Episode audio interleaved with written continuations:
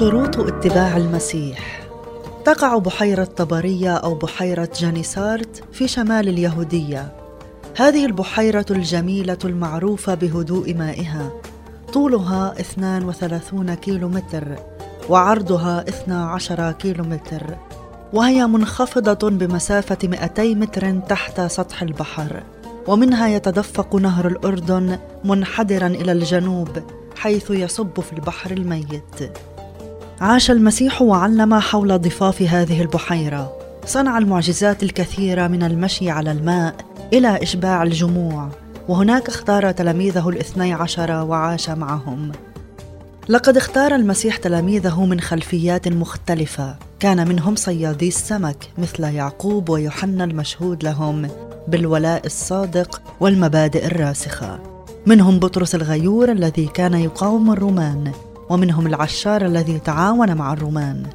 إلا أن المسيح لم يختار أحدا من رجال الدين أو من ذوي القدرات الفائقة والمكانه الرفيعه عاش المسيح مع تلاميذه ثلاث سنوات شكل حياتهم وخلق منهم رسلا استطاعوا أن يغيروا المسكونة بأكملها. فمن خلالهم وصلت رسالة الخلاص والفرح لملايين من البشر عبر عصور التاريخ. لقد ترك تلاميذ المسيح كل شيء وتبعوه. وهنا يحق بنا أن نتأمل في شروط اتباع المسيح. في اتباع المسيح إنكار الذات وحمل الصليب. قال الرب يسوع إن أراد أحد أن يأتي ورائي فلينكر نفسه ويحمل صليبه كل يوم ويتبعني. إنجيل لوقا الأصحاح التاسع والآية الثالثة والعشرين. وحمل الصليب لا يعني حمل الهموم والمشاكل كما يظن البعض.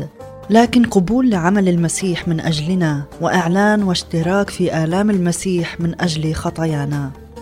مع المسيح صلبت فأحيا لا أنا بل المسيح يحيا فيا. رسالة غلاطيا الأصحاح الثاني والآية العشرين. المسيح لم يعد طريقا مفروشا بالورود. المسيح وضع أمامنا التحدي. هناك ثمن لاتباعه.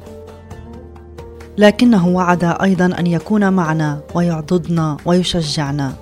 قال في إنجيل متى الأصحاح الحادي عشر والآية التاسعة والعشرين والثلاثين إحملوا نيري عليكم وتعلموا مني لأني وديع ومتواضع القلب فتجدوا راحة لنفوسكم لأن نيري هين وحملي خفيف. قال بطرس للمسيح مرة ها نحن قد تركنا كل شيء وتبعناك.